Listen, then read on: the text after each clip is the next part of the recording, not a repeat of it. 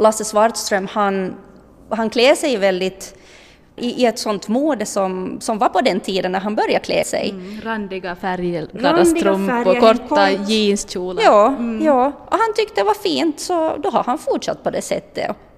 Vem är du? frågar konstnär Teemu Mäki i en stor utställning med fotoverk. Bitter satir över den globala ekonomins hänsynslösa framfart och berörande om åldringars utsatthet och maktlöshet hör till de teman som veckans teaterpremiärer tar upp. Du lyssnar på Kulturmagasinet. Jag heter Jessica Morni. Välkommen med. Förhandsintresset har varit stort inför Nationaloperans urpremiär på Jean Sibelius och koreografen dansaren Tero Saarinen Skullervo. Det här väckte säkert både förväntningar och farhågor. Skulle det hela bara bli en överdrivet hypad storvulen mastodontproduktion eller någonting annat? Mi Vegelius, du var med om urpremiären på Kullervo på Nationaloperan. Vad säger du? Jag säger att den där känslan att det stockar sig i halsen, så den infann sig faktiskt i slutet när jag såg Jean Sibelius och Tero Saarinens Kullervo. Mm -hmm. Låter intressant. Men, men vad handlar egentligen Kullervo om i Lönnroths Kalevala? Broderhat, hämnd, incest, självmord. Den här listan kan göras lång på tabun som ingår i de dikter som Lönnroth samlar in och sammanfogar till berättelsen om Kullervo i Kalevala. Det är den här gamla historien om hur förnedringen, hatet och självföraktet går i arv om ingen bryter det.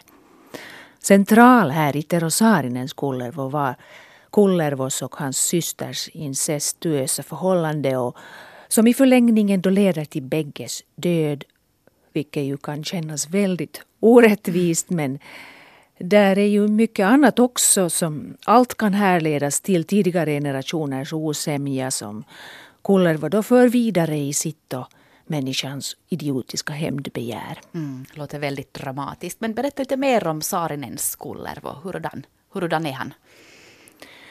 De frågor som är viktiga här, centrala för Tero Saarinen är att kan vi alls lösgöra oss ur historiens återkommande hjulspår och skulle det vara dags att definitivt se att Kullervo, Kalervos krigiske son, verkligen inte är någon förebild och för att beskriva allt det cykliska i livet så har Saarinen tagit fasta på just det elementet också i Sibelius musik som faktiskt lämpar sig ypperligt för dansen här. Saarinen är sin tidigare koreografiska stil trogen här med ett bitvis smått jazzdansartat nutidsdansspråk som väldigt långt bygger på cirklar, upprepning, dramatiska armar, ben som ofta utgår från andra position och så vidare. Och i långa sekvenser, som under första akten bitvis känns oredigt långa, så springer och tvinnar 20-talet dansare runt i större och mindre cirklar. Kullervo, fint tolkad av Samuli Poutanen, är klädd i en silverfärgad dräkt och han både kryper fram och tar sig fram motströms mot ljuset. Och snart springer alla baklänges i ultrarapid Kvinnorna kommer med. Kullevos syster dansade av Terhi Räsänen i Himmelsblått. Mm. Den starkaste scenen då, vilken skulle du säga att det är? No, det hela är raffinerat och symboliskt på många plan. Och jag tänkte först att, att den här starkaste scenen är den när systern i älskogsscenen som den aktiva parten då mitt i ljuskäglan klär Kullervos överkropp naken. Men det, det, blir faktiskt scenen när manskören i början av tredje akten stiger fram och fyller minsta vrå med sin mäktiga och ödesmättade sång.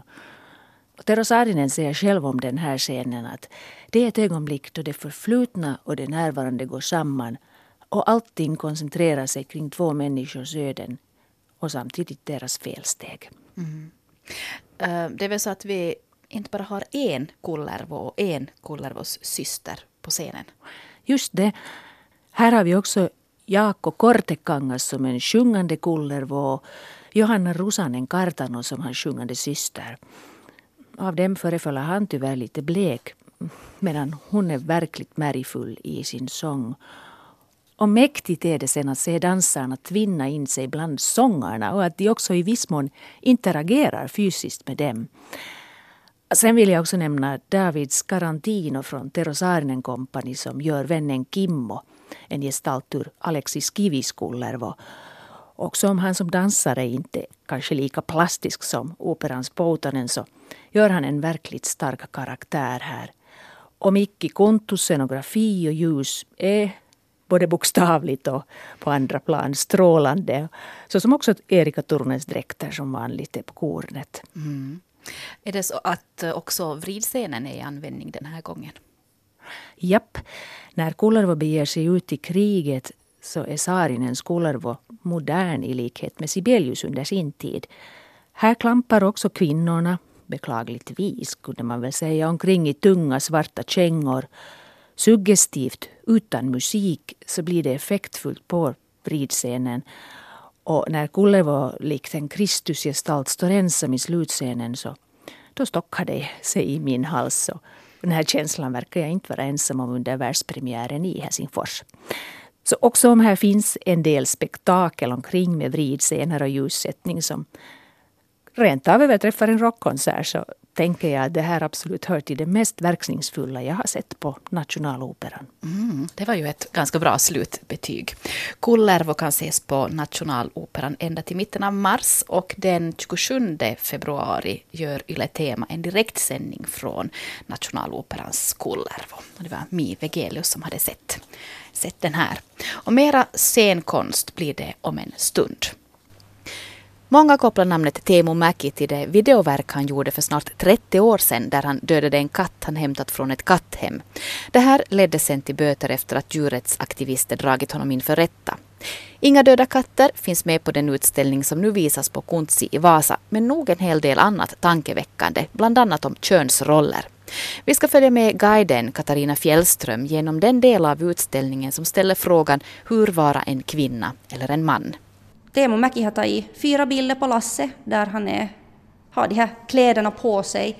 Och eh, när Lasse bestämde sig för att börja klä sig i kvinnokläder för att han tyckte att det var snyggt och behagligt och faktiskt han stoltserade sig själv med att eh, inte, ha använt, inte ha klätt på sig ett par byxor på tiotals år. Um, så då ansågs det väldigt tabu och, och till och med kriminellt att uh, en man klär sig i kvinnokläder. Och eh, det här är hans sätt att eh, vara sig själv.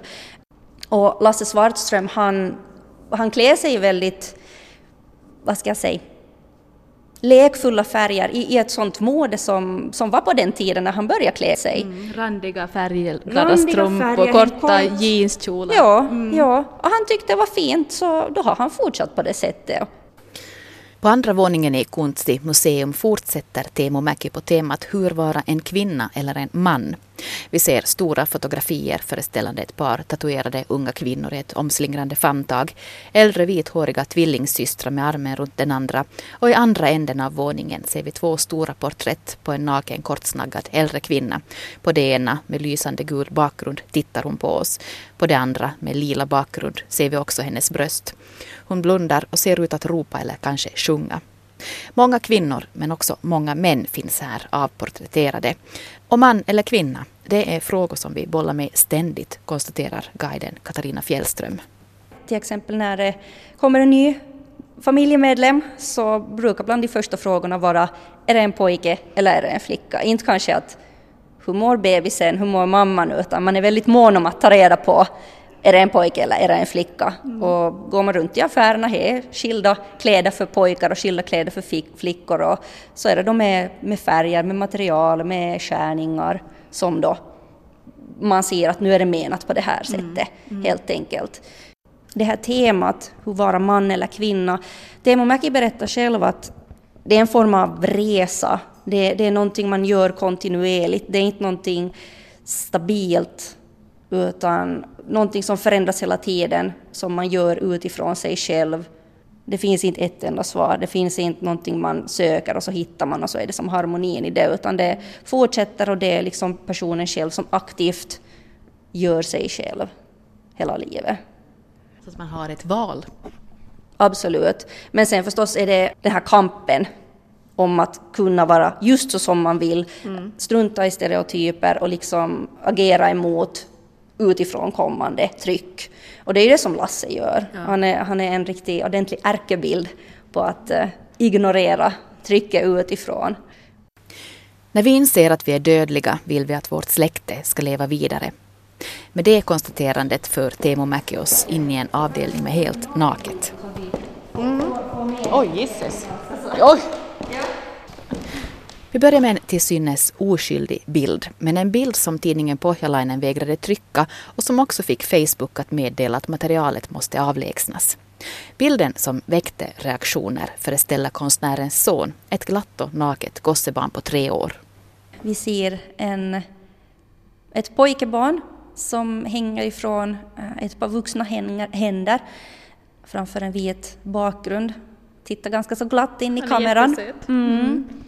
Och är helt blottad. Och på ömse sidor så är det en kvinna till vänster, eh, också helt naken och hänger på precis samma sätt framför en vit bakgrund eh, i ett par människohänder. Och eh, sen så motsvarande man på höger sida som också hänger. Och det här har då med att vi dör att göra. Det har med att vi inte finns här för evigt och på något sätt att man, man ser ju att det här barnet hänger ganska så lätt och glatt och det är det har framtidsutsikter och är positiv och hela livet framför sig. Medan de här, den här mannen och den här kvinnan så det är inte så glada miner och de, de har ju Ja. Man ser på kropparna att de har levt. Man ser på kropparna att de har levt och att de är som lite tyngda av sitt liv. Att, och det är ju det som är, det kommer fram när de mm. hänger i, i, de här, I någon, annans, i någon annans händer. Ja. Så på det sättet har han då velat ta fram den här dödligheten, att, att uh, vi blir tyngre och tyngre och, och, till sist så hålls vi inte kvar. Nej, till sist så faller vi ner, att, ja. att händerna som håller så släpper mm. taget. Precis. Där vi står nu, nu har vi vänt på oss från, från den här babyn och här ser vi en Kari, 55-60 års åldern kanske, mm. naken och han har han är tydligen också konstnär, han står med två tallrikar där det har varit färg på och en pensel, så han, mm. han visar inte allt, men, så har han, men ändå han är iklädd i glasögonen. Uh, lite längre bort står en annan naken man som håller i en, en sån här uh, badminton. badmintonracket. Och så har vi en kvinna som uh, pole dancing på gång. Ja. ja. Alltså det här måste ju vara jättesvårt att guida. Det kan vara lite knepigt ju att förstås så vi, vi berättar ju om fakta och sen mm. om man tycker så kan man ju för att få igång tankarna lite berätta vad man själv kanske mm. ser mm. och, och väcker upp och det blir väldigt snabbt nog diskussion att någon kommer och säger hur de ser eller hur de tänker och, och just den här dialogen som man då har med guide och, och kunder så det är ju det bästa, tycker jag. För då, då ger det någonting och det som sporrar till att just fundera vidare på, lite som Temo önskar att konst också ska vara, att det är det här filosofiska, att man granskar sina egna tankar och värderingar och sätt att leva och så kanske jag öppnar upp lite för nya vyer, nya tankesätt och förhållande mönster.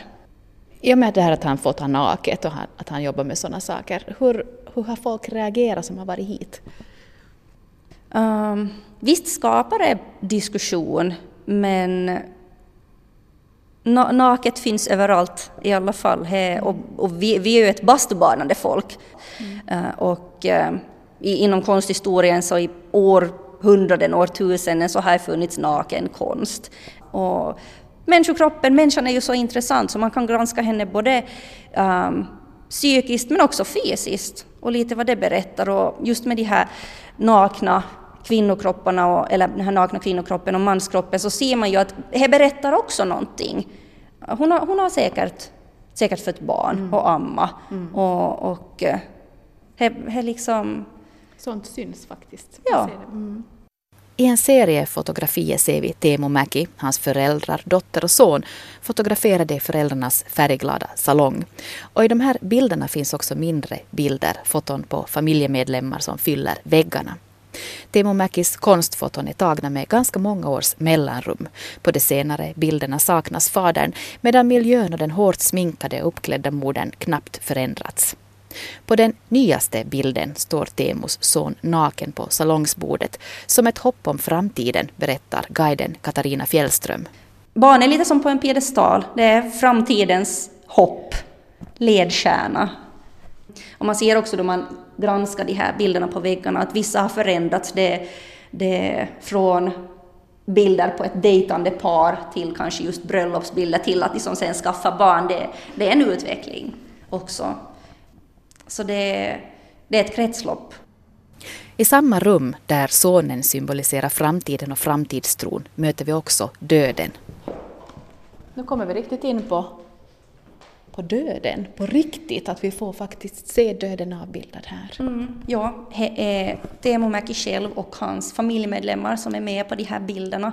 Och eh, han sa att eh, i den här utställningen så den allra yngsta personen är en tre dagar gammal bebis och den äldsta personen så är en, en tre dagar gammal död kropp. Och det här är då hans um, var mormor eller farmor. Uh, och det är en begravning. Hon, hon ligger i, i sin kista och uh, han har tagit bilder på henne. Det är kanske inte så jättevanliga bilder. Det, det är sånt idag? som...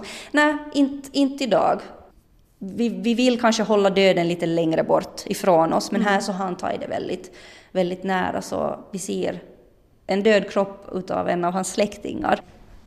Det konstaterade Katarina Fjällström, guide på Kuntsi i Vasa. Veckans teaterpremiär tar tempen på samhället och utslaget är oroväckande kylan och vilsenheten breder ut sig överallt. Kristel Pettersson, du har sett en handfull nya uppsättningar som på olika sätt tematiserar vår förvirring, vår maktlöshet. Men du verkar inte lamslagen heller. Nej, därför att teater, framförallt bra teater också kan få oss att skärpa våra sinnen. Jag har bland annat sett Perplex på virus, en dåres anteckningar på Ryhmäteatteri och Robert Enkels monolog Det var det livet på luckan. Och de är inbördes väldigt olika men hälsosamt utmanande. I Perplex är temat stort. Det handlar om inget mindre än den västerländska människans, framförallt medelklassens identitetskris.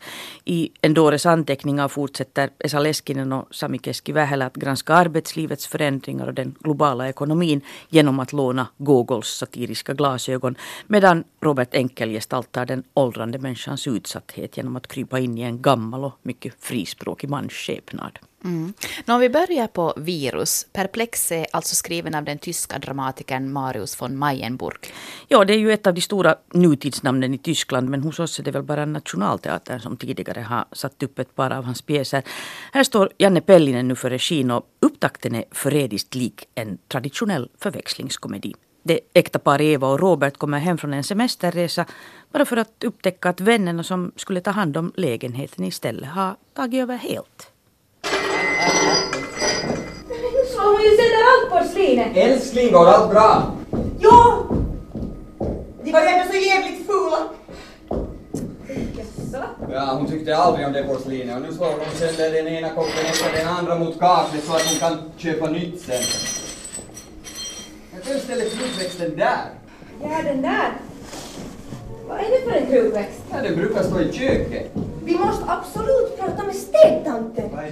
Och en traditionell komedi så skulle det här naturligtvis vara ett missförstånd som efter många turer reds upp. Men i Perplex blir det istället upptakten till en vild färd bland utbytbara identiteter där konstellationerna mellan personerna ständigt lever samtidigt som all kommunikation reduceras till ihåliga konventioner. En au pair vars namn ingen minns blottlägger kolonialismens nya ansikte. En naziofficer dyker upp som en maskeradfigur ur glömskans garderob och en brunstig älg öppnar kanalerna till slumrande urdrifter. Samtidigt som allt vårt samlade tankegods kryper in i skallen på en av rollerna som faktiskt lyckas med konststycket att både göra Platons grottliknelse och Darwins evolutionsteori till sina helt egna revolutionerande upptäckter. Döden ser till att de faller som ska falla och sexualiteten ser till att de går vidare till nästa runda som ska gå vidare till nästa runda. Det är det vi är genom död och sex. Jaså? Död och sex. Vad tycker du om min teori?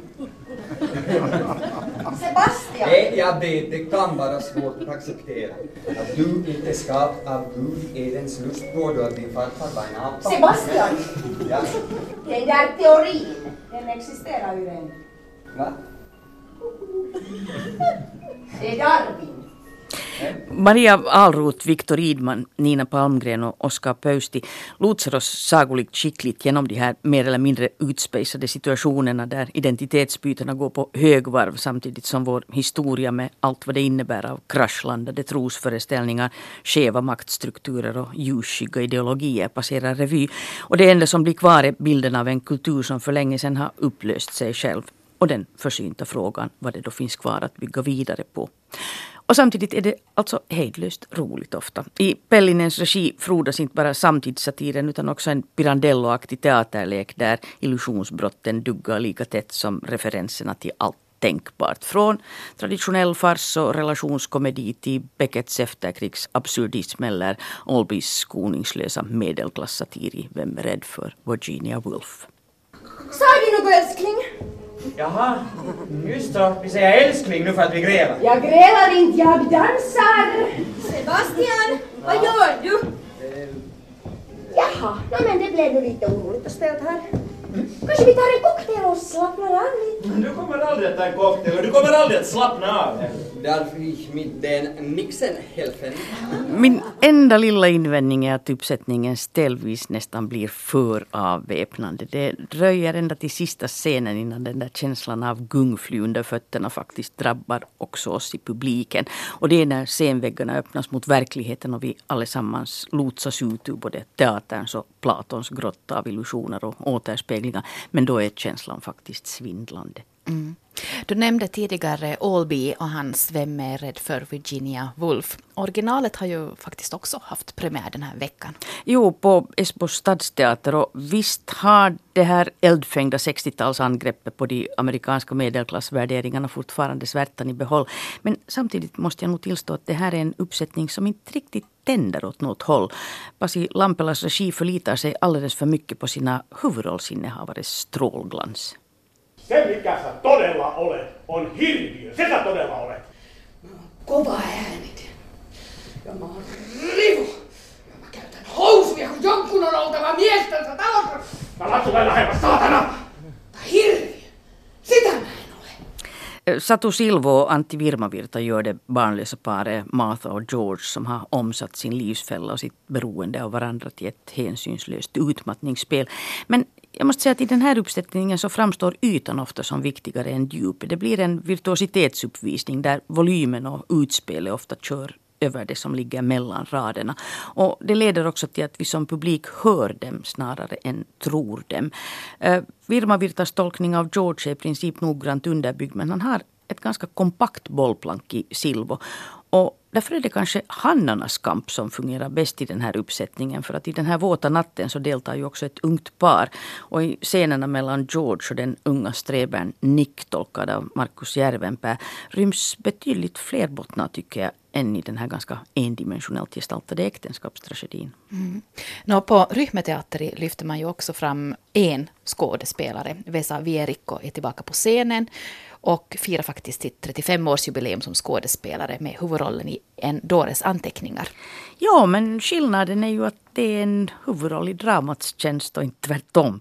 Eh, med Mielipuolen päiväkirja fortsätter Esa Leskinen och Sami Keski-Vähälä sitt Gogol-projekt. Det är alltså nyskrivna pjäser förlagda till vår samtid men med Gogols surrealistiska Sankt Petersburgs noveller då i ny skepnad. Den första var arbetslivssatiren Kappan som ju också satts upp på svenska och nu fortsätter man i stort sett på samma tema med en korskörning av en dåres anteckningar och näsan. Så Vesa Vierikko gestaltar en liten kugge. Han är en liten ekonomiassistent som är beredd att göra allt för sin arbetsgivare. Men när kylfirman han arbetar vid äntligen lyckas gå på lite vinst belönas hela hans avdelning med sparken. Näin ollen koko tämä osasto lakkautetaan ja te kaikki saatte kenkää. Kenkää. Eipä hätää. Näillä sopimuksilla me siirretään teidät suoraan henkilöstövuokrauspalvelun asiakkaiksi. Ostetaan sitten teidän tuottamanne työpanos takaisin sieltä. Ja, en känd visa. Allt för dividendernas skull. Men i den före detta ekonomiassistentens liv så börjar konstiga saker plötsligt hända. Hans hår, inte hans näsa, försvinner. Och när han ser det på nytt så bär det hans namn och intervjuas på TV i egenskap av firmans nya VD. Miten ihmeessä minun tukkani voi olla televisiossa? Ja vielä toimitusjohtajan ominaisuus. Googles sinnesrubbade man inbillar sig att han var kejsare av Spanien medan den sparkade ekonomiassistenten Putkonen inbillar sig att kylfirman fusioneras med Microsoft och han själv till sist intar Bill Gates plats. Hans enda problem är det där håret som dyker upp överallt och påstår sig vara han. Uh, Mielipuolen päiväkirja är en bitter satir över den globala ekonomins framfart och cynismen inom dagens arbetsliv. För att när Putkonen äntligen tror sig ha kommit till huvudkvarteret landar han ju i själva verket bakom slutna dörrar på en psykiatrisk klinik. Och det går som vanligt undan med ett myller av gestalter fördelade mellan uppsättningens övriga tre skådespelare Minna Soronen, Taisto Oksanen och Robin Svartström. De kan det, hela ensemblen är strålande. Eh, det enda är att både formen och hanteringen samtidigt känns lite som favoriter i repris jag menar, hatten av för Leskinen och Keskivähälä som inte ger sig. De säger det som bör sägas om och om igen. Men kanske det kunde vara dags att se över det här konceptet lite. För att när publiken vet precis vad den har att vänta så fungerar satiren inte riktigt längre. Men kanske den terapeutiska effekten för att igenkänningsfaktorn är nog väldigt hög i den här beskrivningen av ett instabilt arbetsliv med otaliga organisationsreformer. Vi kan ju det här. Den ena är absurdare än den andra. Ja, precis. Och då antar jag att vi får sluta riktigt i moll idag för Robert Enkels monolog på luckan. Där handlar det om att åldras i dagens, detta dagens samhälle. Ja, det var det livet, eller kanske det var det live. En monolog som Robert Enkel har skrivit själv. Och den som för ord är en gammal man som talar till oss som ja, kanske en son eller dotter på besök. Allt var nog bättre förr. Det hade ju för all del en olycklig barndom men allt var nog ta mig fan bättre förr. Den här enkelsman han sitter i en rullstol och förargar sig över allt och alla. TV-programmen är skit, vintern är skit, solsken är skit och grannarna borde polisanmälas för störande beteende. Det enda som piggar upp honom lite är alla gruvliga sjukdomar och bisarra dödsfall i släkten och bekantskapskretsen. Och han talar klarspråk. Det är inget politiskt korrekt hymmel där sina ålderskrämpor demonstrerar han nästan njutningsfullt samtidigt som han levererar små nålsting åt oss som bara flyger och far med allt som tycks vara viktigare. Men när han perklande demonstrerar sin dosett så packad att den inte ens skramlar längre så känner jag plötsligt igen allt så innerligt väl. Får riktigt fundera ett tag på vems pappa det egentligen är som sitter där. Antagligen både Enkels egen och min och tusentals andras fäder. Hans skarpögdhet roar och hans utsatthet berör. Det här är en föreställning som är bara en timme lång men Enkel bygger en tydlig båge som sträcker sig över en längre tid. Det är en resa i avtagande krafter och krympande självständighet. Och det enda som finns kvar till sist är maktlösheten. Man, man har ingen egen vilja här. När man ber om hjälp så säger de Hetkinen, Hetkinen, Hetkinen. Hetkinen, hetkinen, det, det, det satt fem timmar. Och sköterskorna, de bara väser. Och de stirrar med hat i blicken. Man måste skita på sig för att någon ska bry sig. Istället sitter jag här med skiten i reven och får inte ut den. Det, det är inte, det är inte den när kackan pressar på. Igår var en bra dag, men idag hade det varit nog en störtdykning till helvete. Det här är en, en till synes väldigt enkel text men i själva verket så finns det hela tiden en dubbelbelysning. Enkels man är på intet sätt lämnad åt sitt eget öde men de tjänster och den vård han får ter sig ur hans perspektiv ofta bara som ett hån. Och jag är på något sätt beredd att ge honom rätt. För det talas väldigt mycket om stress och underbemanning inom vården men väldigt lite om den effektiva beskäftighet som styr allt tänkande idag. Jag förstår honom. Jag vill inte heller ut i ett snöbollskrig som ska sätta fart på blodomlopp och motorik den dag som hjärtat bara känns som en dallrig geléklump. Den här mannen i rullstolen han berättar bland annat om sin morfar. Morfar den slängde in handduken när hushållerskan tog morfinet, cigarrerna och de gröna kulorna ifrån honom. Och ja, jag förstår honom. Gör du? ja, jag håller nog med där också. Tack Kristel Pettersson för den här veckans teaterrecensioner. Med det är också Kulturmagasinet slut för idag. Vi hörs nästa vecka. Hej!